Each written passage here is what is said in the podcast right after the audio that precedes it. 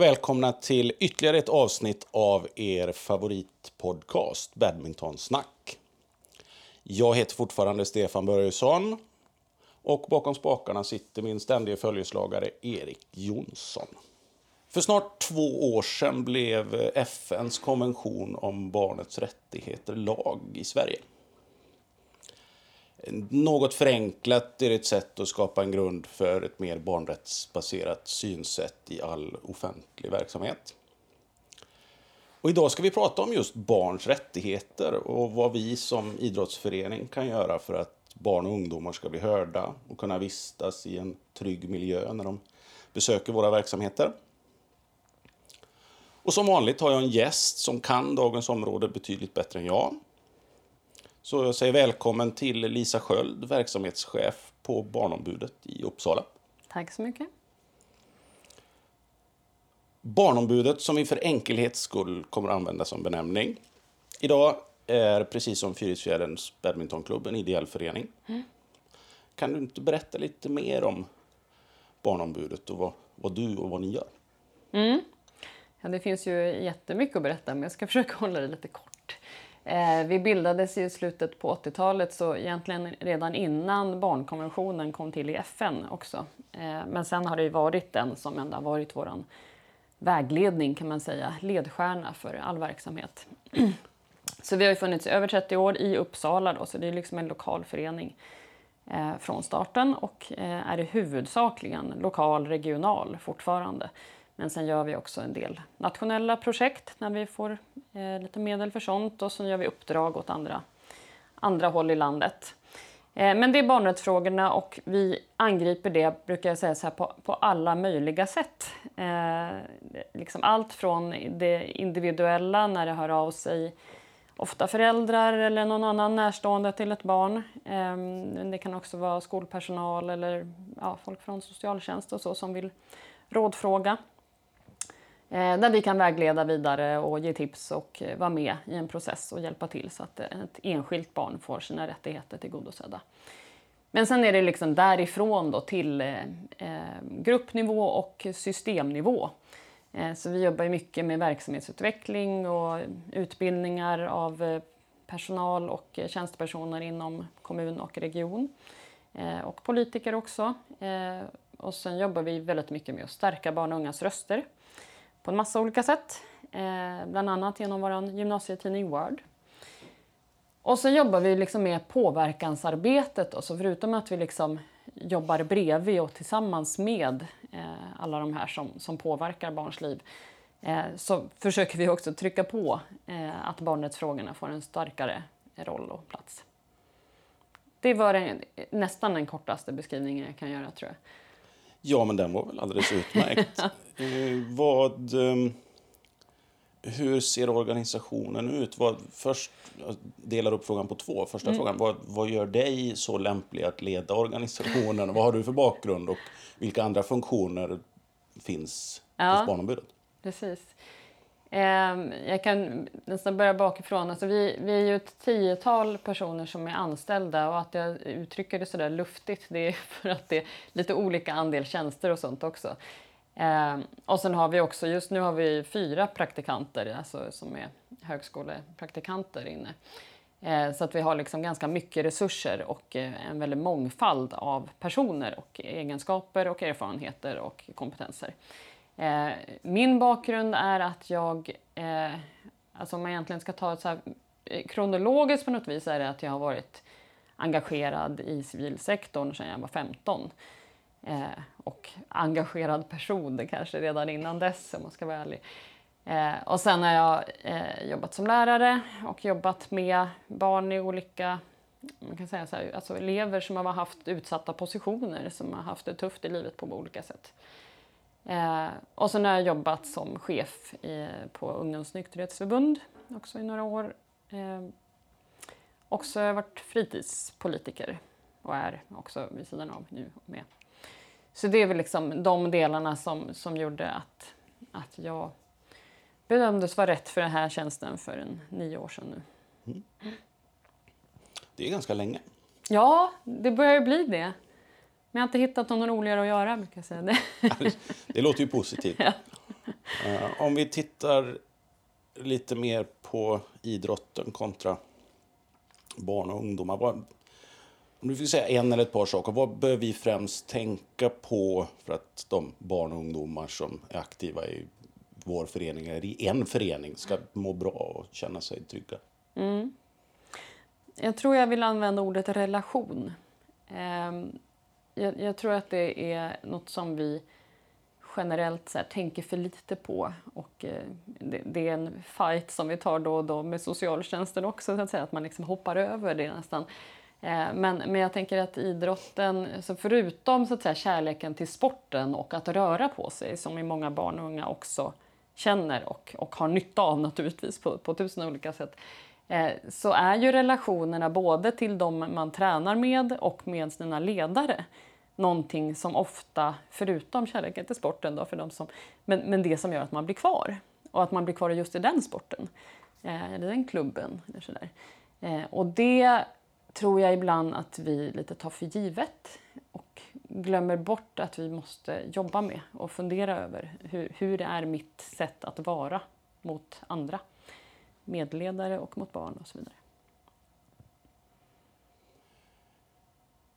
Tycker du att han ställer frågan så här istället. Hur ser du på idrottsrörelsens roll i relation till ert arbete? Finns det samarbeten till exempel? Mm.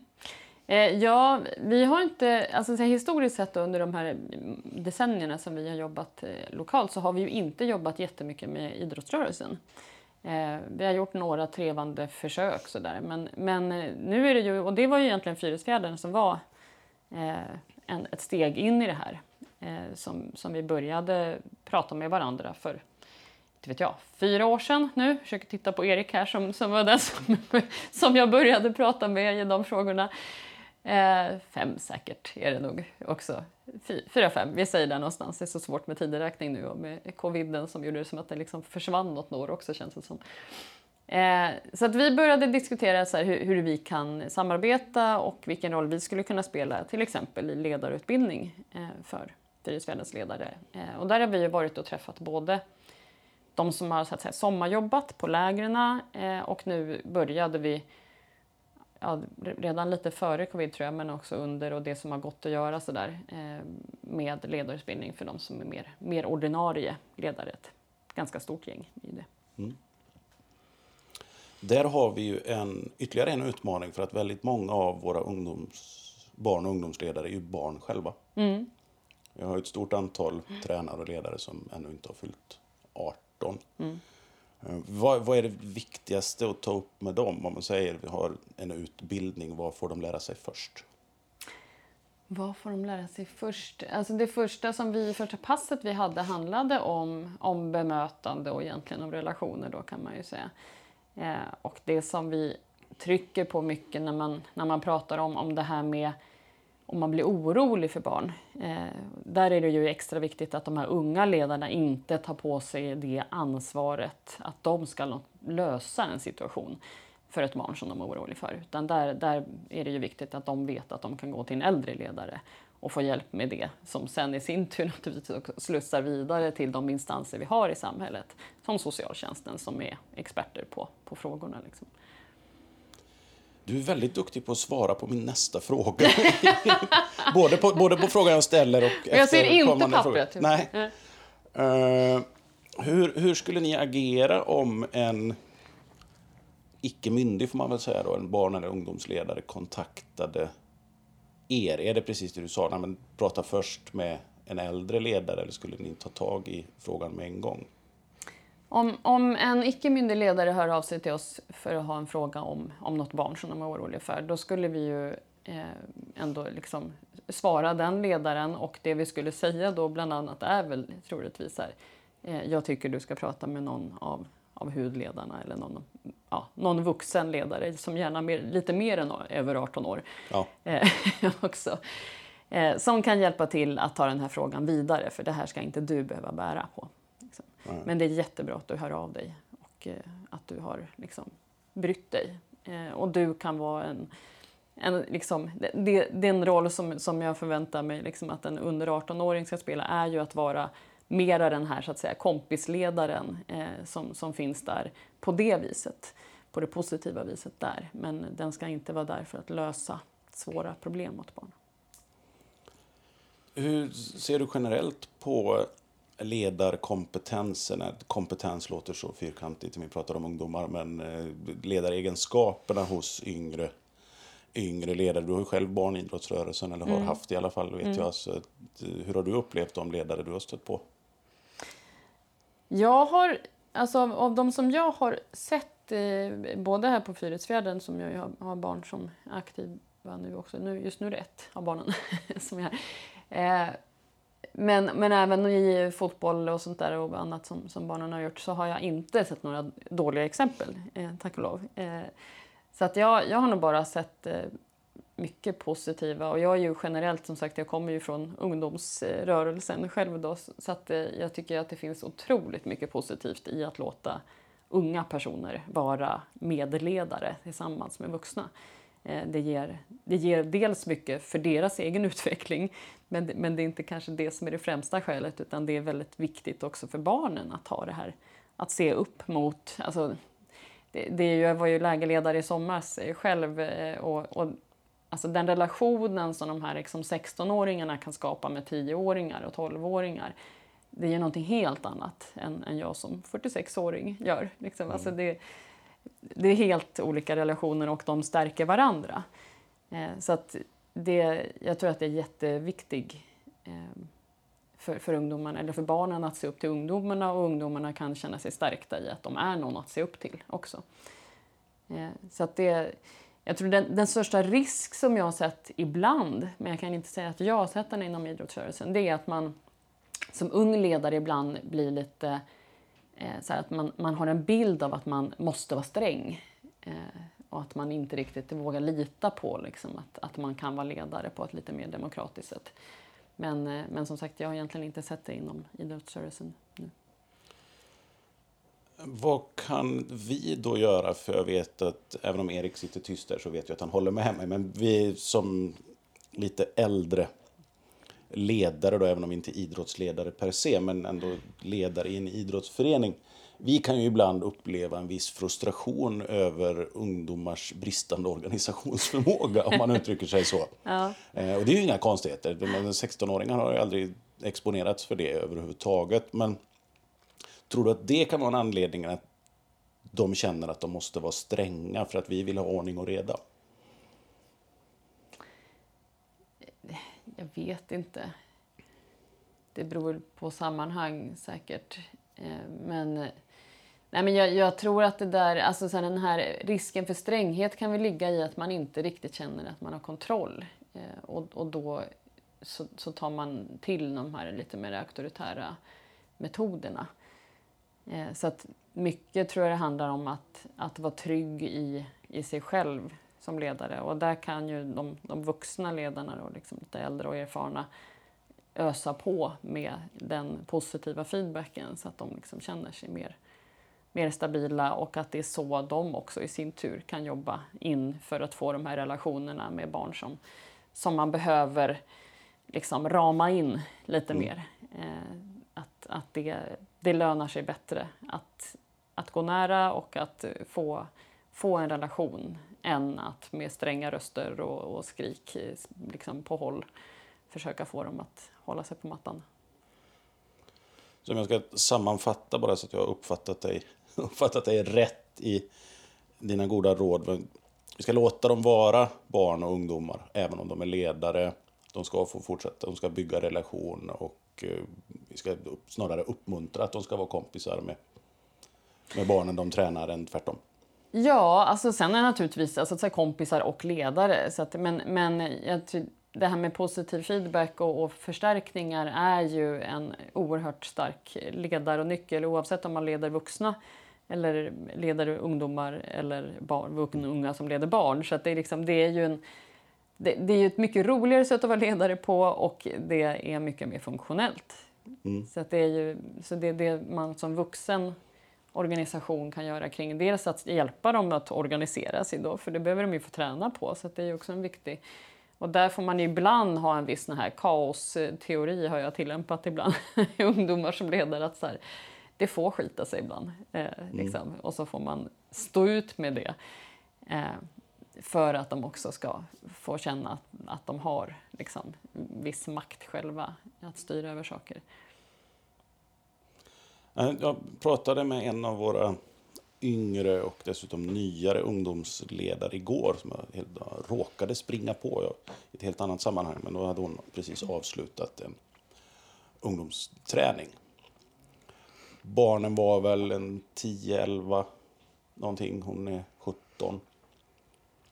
Och var jättetaggad. Mm. Och sa det här, det här är så kul. Det är mm. så kul att vara ledare. Eh, och då tänkte jag tillbaka på min egen ledarkarriär som är 25 år plus gammal. Sen jag var ledare, tränare sist. Men vilken otrolig nytta jag har haft av mm. det. Framförallt nu då när man jobbar en hel del med barn och ungdomar. Så det är bara mm. påpeka det. Det är en otroligt bra erfarenhet mm. för de som vill, vill vara ungdomsledare. Mm.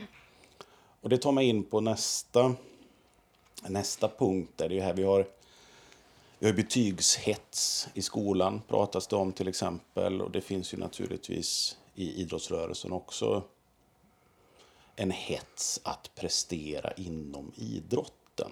Hur, hur ser du på det i relation till barn och ungas välmående? Mm. Ja, det där är ju en balansgång. Den har vi diskuterat lite grann här också i vårt samarbete. Just så här elitsatsningar och hur, hur hälsosamt det är eller inte är eh, ibland. Men att det liksom... Det, det gäller väl på något vis ändå att, att försöka luta sig och hitta balansen mellan här, lust och hets. Eh, för det är klart att eh, ett barn och en ungdom som, som drivs väldigt mycket av viljan att prestera kan ju också må väldigt bra av att få göra just det. Liksom. Eh, men, men jag tror att det är viktigt att man ja, att reflektera över det och att, att det är ett öppet samtal kring just den, den risken som det kan innebära både, liksom, både psykiskt och fysiskt. För det vet vi också, liksom, det är ju en av de förutom så här vanliga säga, förslitningsskador som finns i alla möjliga olika sporter eh, så är ju det en av de stora riskerna är ju till exempel liksom ätstörningar och, och den sortens kropps, kroppsliga syndrom som kan drabba elitidrottare. Eh, och det gäller ju att vara vaksam på och, och mm. ha, ha med sig liksom, i bakhuvudet. Det är ju intressant att du säger det, just det här att det finns ju naturligtvis människor som mår bra av krav mm. och att mm. få möjligheten att prestera. Och de tycker man, vissa diskussioner så försvinner de lite mm. grann utan man försöker liksom få upp dem som kanske inte riktigt är där för att prestera och sen så blir det någon mischmasch i mitten där alla är likadana. Det är lite jantelagen som ligger bakom det där mm. i Sverige tror jag. Mm. Men det är en intressant kommentar för att det och då kommer vi tillbaka till det som du sa, bygga relationer och så vidare. Att mm. Känner man ungdomarna mm. som ingår mm. i ens grupp så har man lite koll på att hon är sån och han är sån. Och ja. Bara ge alla lika mycket uppmärksamhet fast på deras villkor lite grann. Ja. Vad, vad är den vanligaste frågan ni får på Barnombudet? Generellt sett. Eh, menar du rådgivningsfråga eller när vi är typ ute och föreläser? Eller? Ta en av varje. En av varje. eh, en, en som ofta dyker upp i alla fall när vi är ute och pratar om barns rättigheter med politiker, tjänstepersoner och sånt där eh, så är det rätt ofta någon som kommer med den här, så här ja men hur är det med barns skyldigheter då? Eh, ska de få göra vad de vill? Mm. Eh, så den brukar dyka upp. Och det jättekorta svaret på det är att här, vi brukar uttrycka det som att skyldigheter regleras i lagar. Och vi har inga lagar som pekar mot barn på det viset utan det är vuxnas liksom, skyldighet. Däremot så behöver barn få lära sig ta ansvar. Och där är ju de här ledarskapen ett mm. utmärkt mm. exempel på det naturligtvis. Eh, och det är ju vår skyldighet att se till att barn får lära sig ta ansvar för att de liksom, på 18-årsdagen, när vi förväntas bli vuxna över en natt, eh, ändå ska kunna också då gå in i det här skyldighetsansvaret. Liksom. Eh, så det måste ju vara gradvis. Ändå. I rådgivningen... Alltså det, det, det sjuka är ju på något vis att vi har ju en sån otrolig bredd av frågor som kommer in den vägen. Och nu har jag jobbat i nio år och det är ändå liksom ideligen som det kommer in någon så här Oj, den där varianten har jag aldrig stött på. Det var ju intressant. Så här, hur, ja, och så får man liksom klura lite och läsa på lite och eh, eh använda alla våra kompetenser eh, för att försöka hitta liksom, vägar framåt. Eh, men, men de generellt vanligaste ärendena kanske ändå handlar om till exempel att få rätt stöd i skolan utifrån en funktionsvariation ofta. Ehm, eller kring eh, vårdnadstvister och umgänge och inte sällan med inslag av våld. Så det är en sån mm. där svår nöt att knäcka där också lagsystemen inte riktigt är i synk med barnets bästa än. Nej, jag har förstått att så är fallet. Men då ska jag försöka ställa en av de här ovanliga frågorna. Ja. Eh, vi tror ju väldigt hårt på föreningsandan och föreningens roll för gemenskap. Inte bara att bli bäst på idrott eller på sy eller spela schack eller vad det nu föreningen står men vi som alla andra, primärt idrottsföreningar, förlorar väldigt många ungdomar i mellersta övre tonåren. De slutar mm. idrotta mm. och då försvinner de från föreningen. Kommer inte tillbaks förrän de själva får barn. Och de flesta kommer inte tillbaks alls utan det är mm. barnen som kommer tillbaka. Men mm. det är då de kommer. Så du har ett uppehåll på en 15, 20, 30 år någonting innan mm. du kommer tillbaks. Och då har vi identifierat några områden för att få dem att stanna kvar. Det finns ju, du kan bli ledare som jag har pratat om mm. nu, du kan bli domare, du kan hjälpa till och koda hemsidor eller, eller vad som helst. Så vi har pratat lite grann om att skapa en ungdomsledarakademi. Inte en idrottsledarakademi utan en ungdomsledarakademi. Där du, oavsett var du kommer ifrån, om vi sa, schack eller ungdomssyjunta eller vad det nu är ska lära sig. Okej, okay, så här tar jag, tar jag på bästa sätt hand om grupper med ungdomar. Mm. Om du fick nämna tre organisationer som borde vara involverade i ett sånt projekt, vilka skulle det vara? Det var en lång fråga, jag hoppas den var ovanlig. ja, den var hyfsat ovanlig ändå. Eh, det, det, ska alltså vara en akademi för, för vuxna som ska leda ungdomar? Nej, ungdomsledare. För ungdomar som ska leda andra ungdomar? Ja, alltså primärt mm. ungdomar. Det är vuxna också naturligtvis, mm. men ungdomsledare. Mm. Alltså, dels finns det ju en, en eh, landsorganisationen för Sveriges ungdomsföreningar, LSU. Eh, där finns det ju enormt mycket kompetens samlad. Eh, så de, och de eh, kanske också då skulle kunna vara rätt rätt organisation att fråga vilka av alla deras medlemsorganisationer som är bäst på det här. Eh, om det är de bästa man vill ha. Eh, sen finns det ju liksom en massa olika... Alltså scoutrörelsen är ju en enorm ungdomsledarorganisation till exempel. Eh, de jobbar ju på många olika... Alltså de har ju mycket fokus på ledarskapet också. Det är liksom nästan en av deras kodord för verksamheten. verkligen. Eh, och de har ju också tagit fram lite digitala utbildningar som vi har härmat till exempel för, för en skolvariant sen. Eh, som heter Trygga möten som används hos fler än scouterna. Um, vad sa du, tre stycken? Nu har jag mm. kanske har sagt två fast en var en paraply. Um, alltså det finns ju så otroligt många ungdomsrörelser. som, eh, och jag har ju inte inblick i alla. Som sagt, jag, jag är ju uppvuxen i Ungdomens nykterhetsförbund och eh, jag har ju varit med då också som, när jag var chef där och eh, som ledare också varit med och format en hel del av deras ledarutbildningar. Så jag vet ju mm. att man har jobbat mycket med det där också. Eh, och även Junis som jag ju är aktiv i nu som ideell. Eh, jobbar ju mycket med ledarskapet. Ja, men det var ju fler än tre på sätt och vis. Ja, men det gör Ja. ingenting. Jag är tax, tacksam för, för tipsen. Ja. När, du, när du beskriver de här olika ungdomsorganisationerna, det låter lite grann som att det var ingen idrottsorganisation. Det låter lite grann som en icke-idrottsföreningar är mer fokuserade på ledarskapet som sådant än vad idrottsföreningar är. Kan det bero på att vi primärt tänker på prestation och som du nämnde alldeles i början här att vi förutsätter att alla som är här tycker det är det roligaste som finns och spela badminton eller fotboll eller ishockey eller vad det nu är. Jag, jag tror att det kan vara en orsak att idrotten, liksom, själva idrotten i sig står i förgrunden ännu tydligare än vad den kan göra i, i många andra och att man kanske har nästan, så här, nästan haft för lätt att få in både deltagare och ledare så att man inte har varit tvungen att jobba med ledarskapet lika mycket som en del andra organisationer har för att man ska kunna liksom bedriva den verksamhet som man tycker är viktig och som mycket kanske handlar om ledarskapet så har man varit tvungen att jobba mycket med det.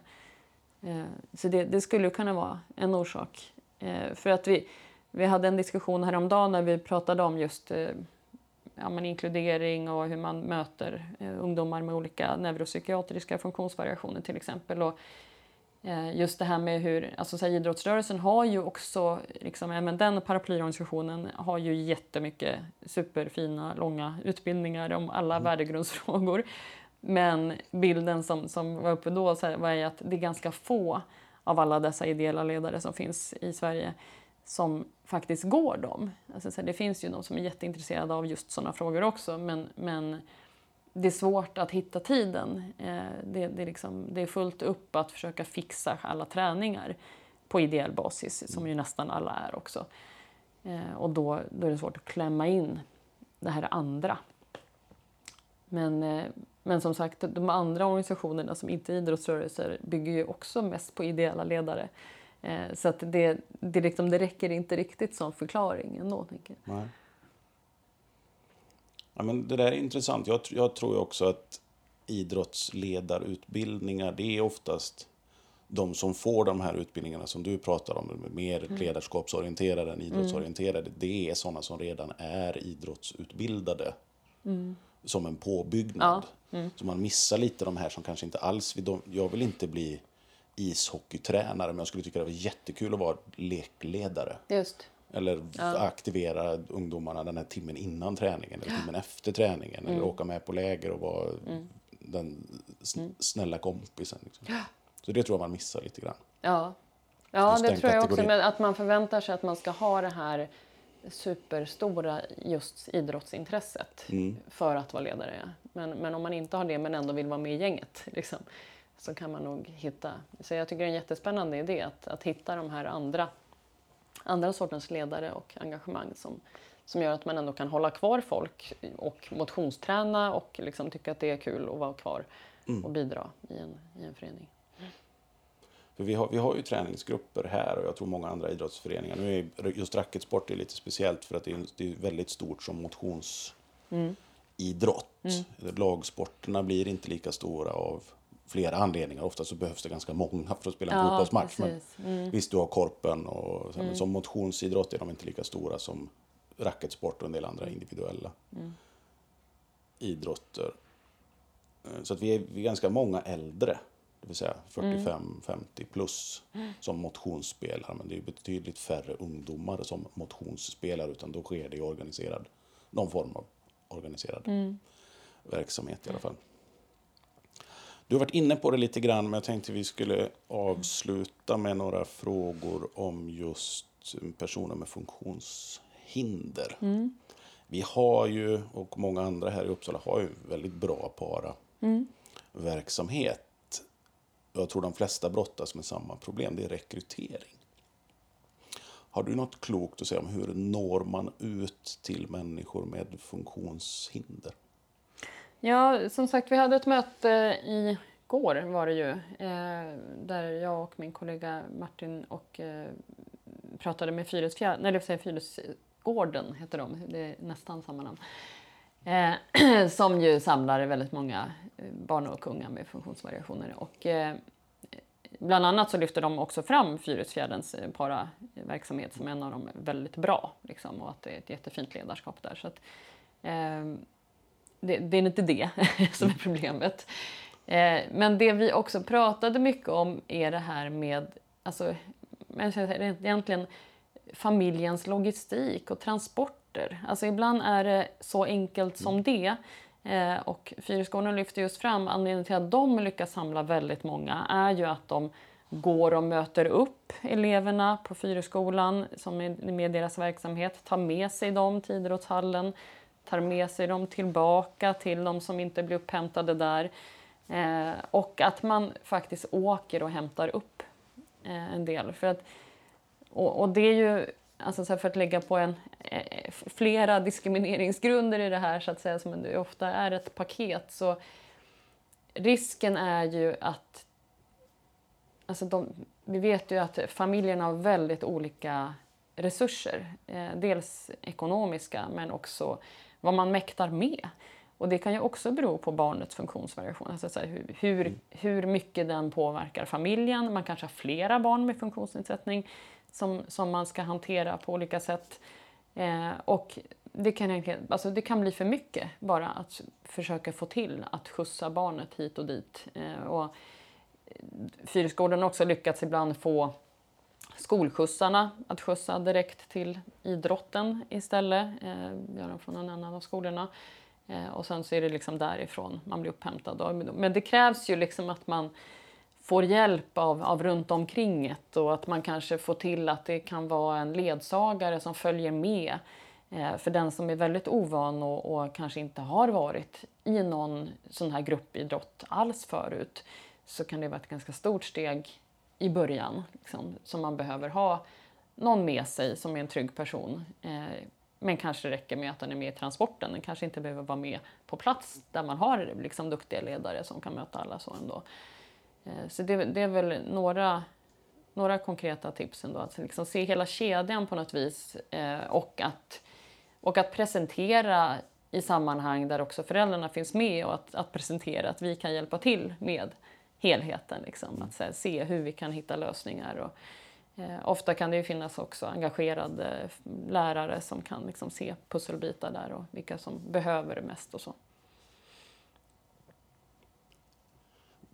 Det är nog någonting vi i mångt och mycket har missat och faktiskt inte tänkt på. Så tack, tack för det. Då har vi ytterligare en funktion att fylla i föreningen så fort ungdomarna har fått körkort. Att ja, precis, hjälpa precis. till med logistik och transport ja, och så vidare. Det är ja. jättebra.